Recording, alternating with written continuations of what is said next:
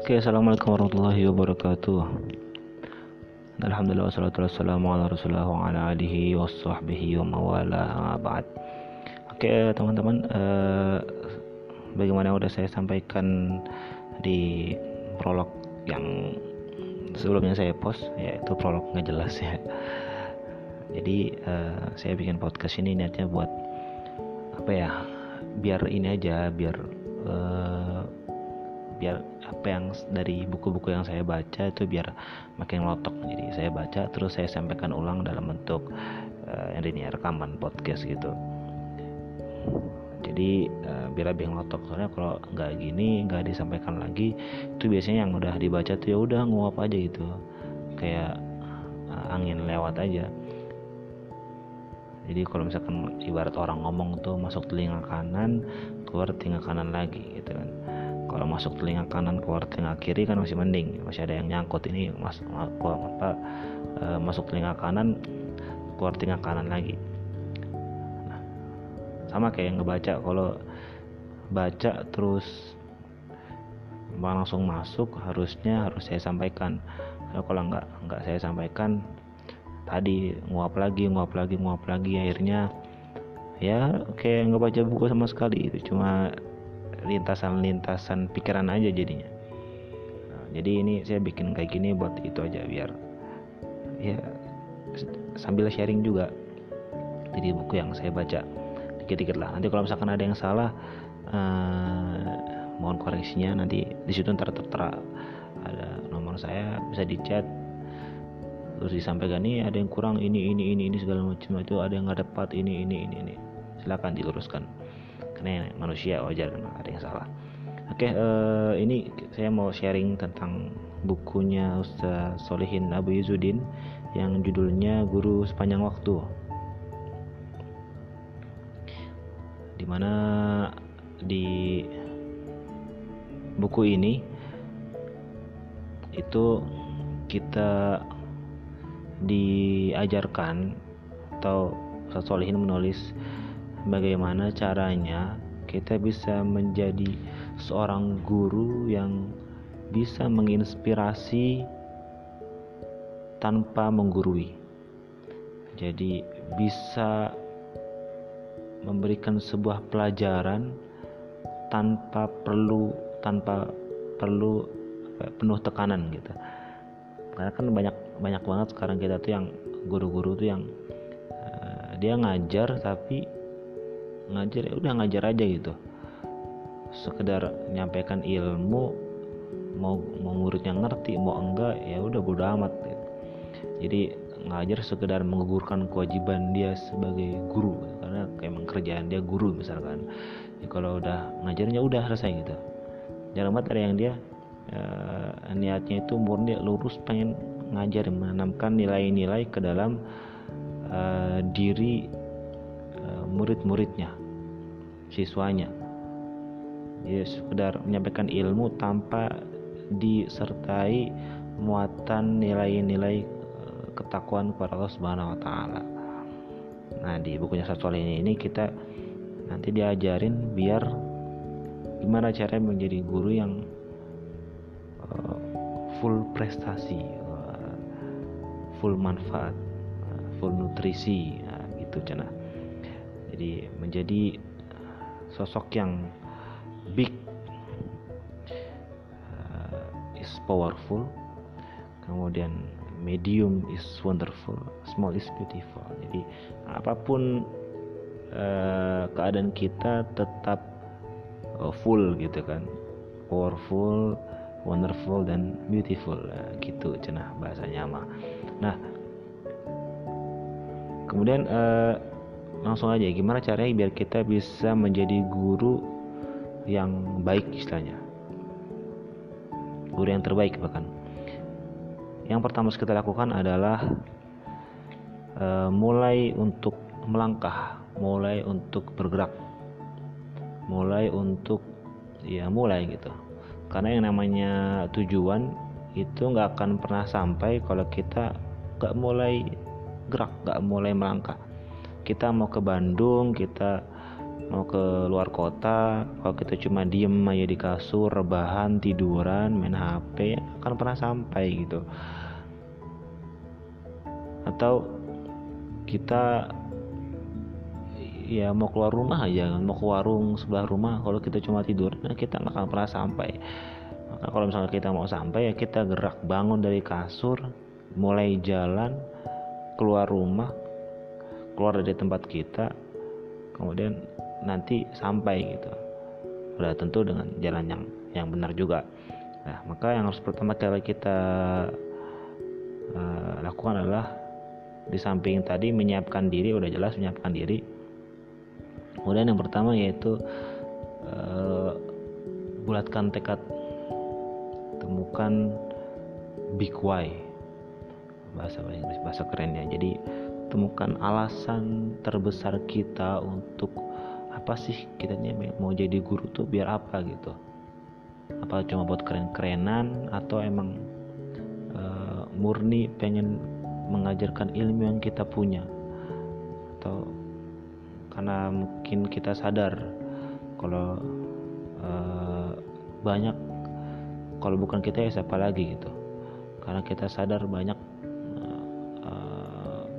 anak-anak di luar sana yang butuh uluran tangan kita masih banyak pundak yang harus dirangkul masih banyak tangan yang harus direngkuh diulur diambil tangannya untuk kita bawa bareng-bareng untuk e, mendalami luasnya lautan ilmu ilmu Allah gitu.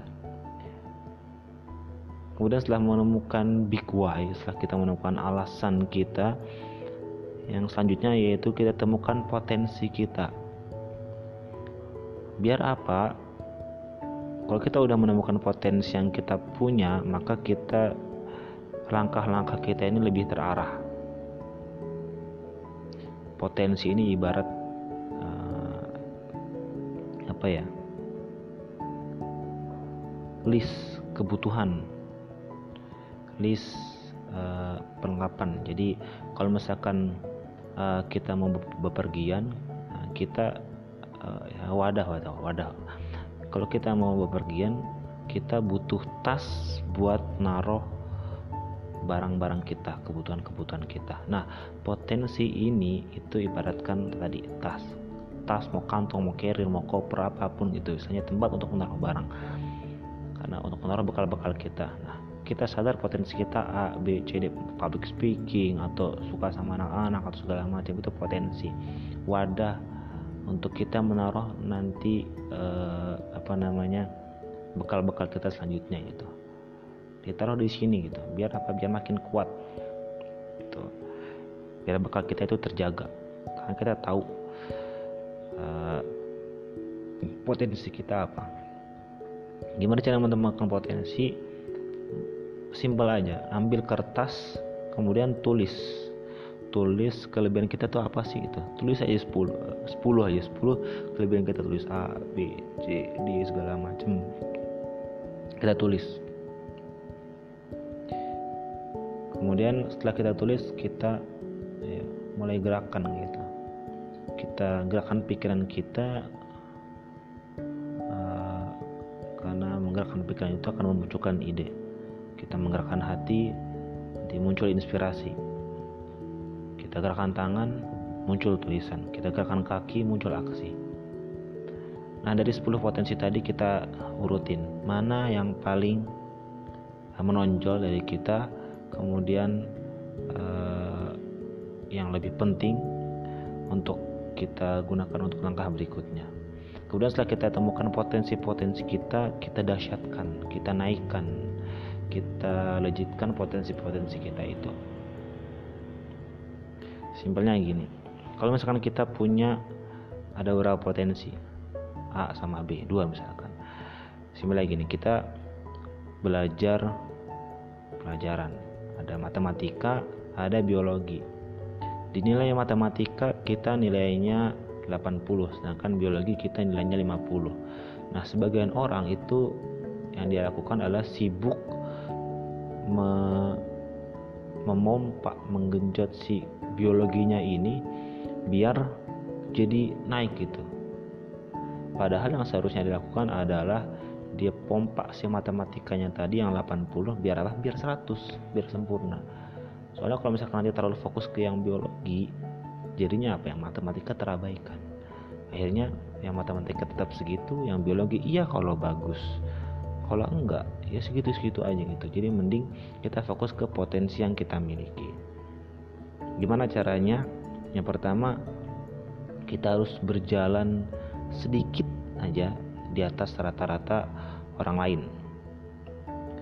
atau orang biasanya. Biar apa? Biar kita memiliki kita punya keunggulan yang yang dahsyat gitu.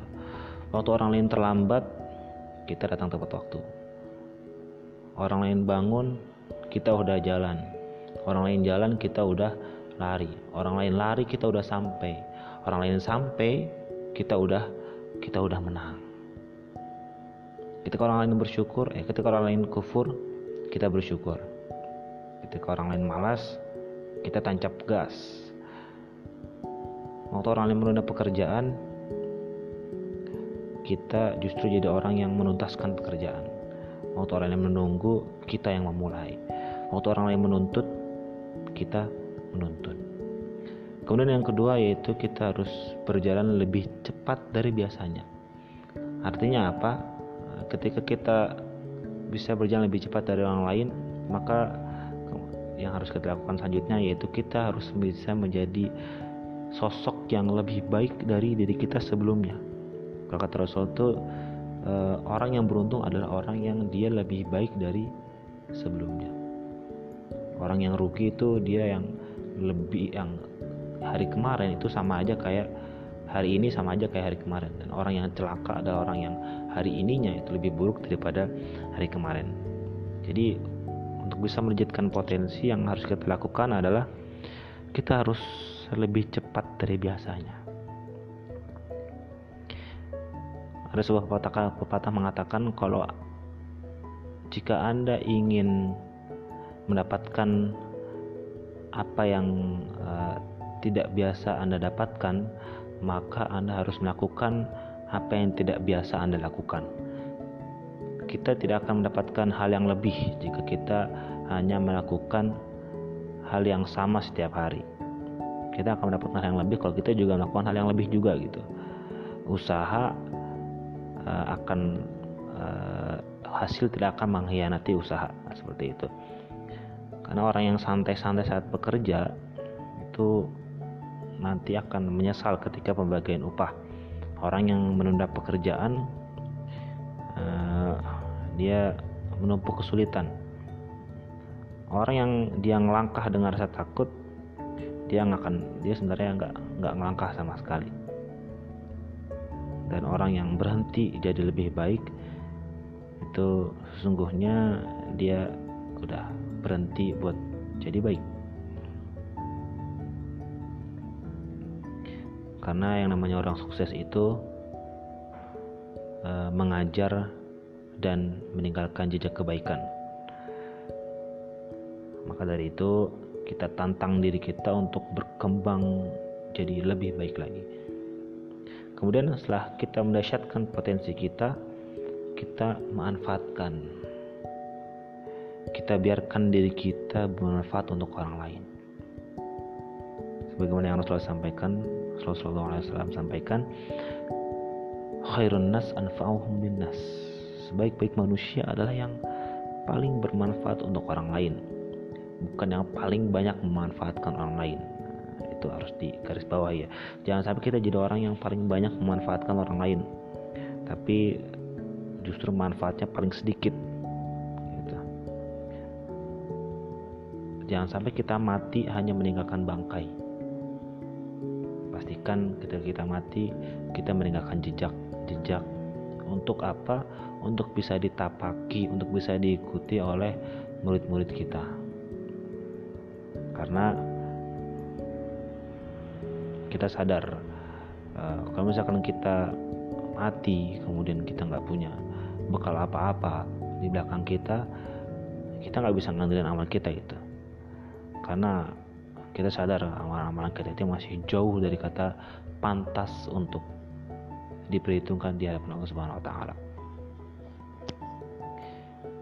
oke uh, itu aja mungkin uh, untuk bab kali ini nggak panjang ya. Kalau misalkan uh, ada yang kurang saya mohon maaf. Kalau misalkan ada yang manfaat uh, saya ucapkan uh, itu semua datangnya dari Allah Subhanahu sekian dari saya. Assalamualaikum warahmatullahi wabarakatuh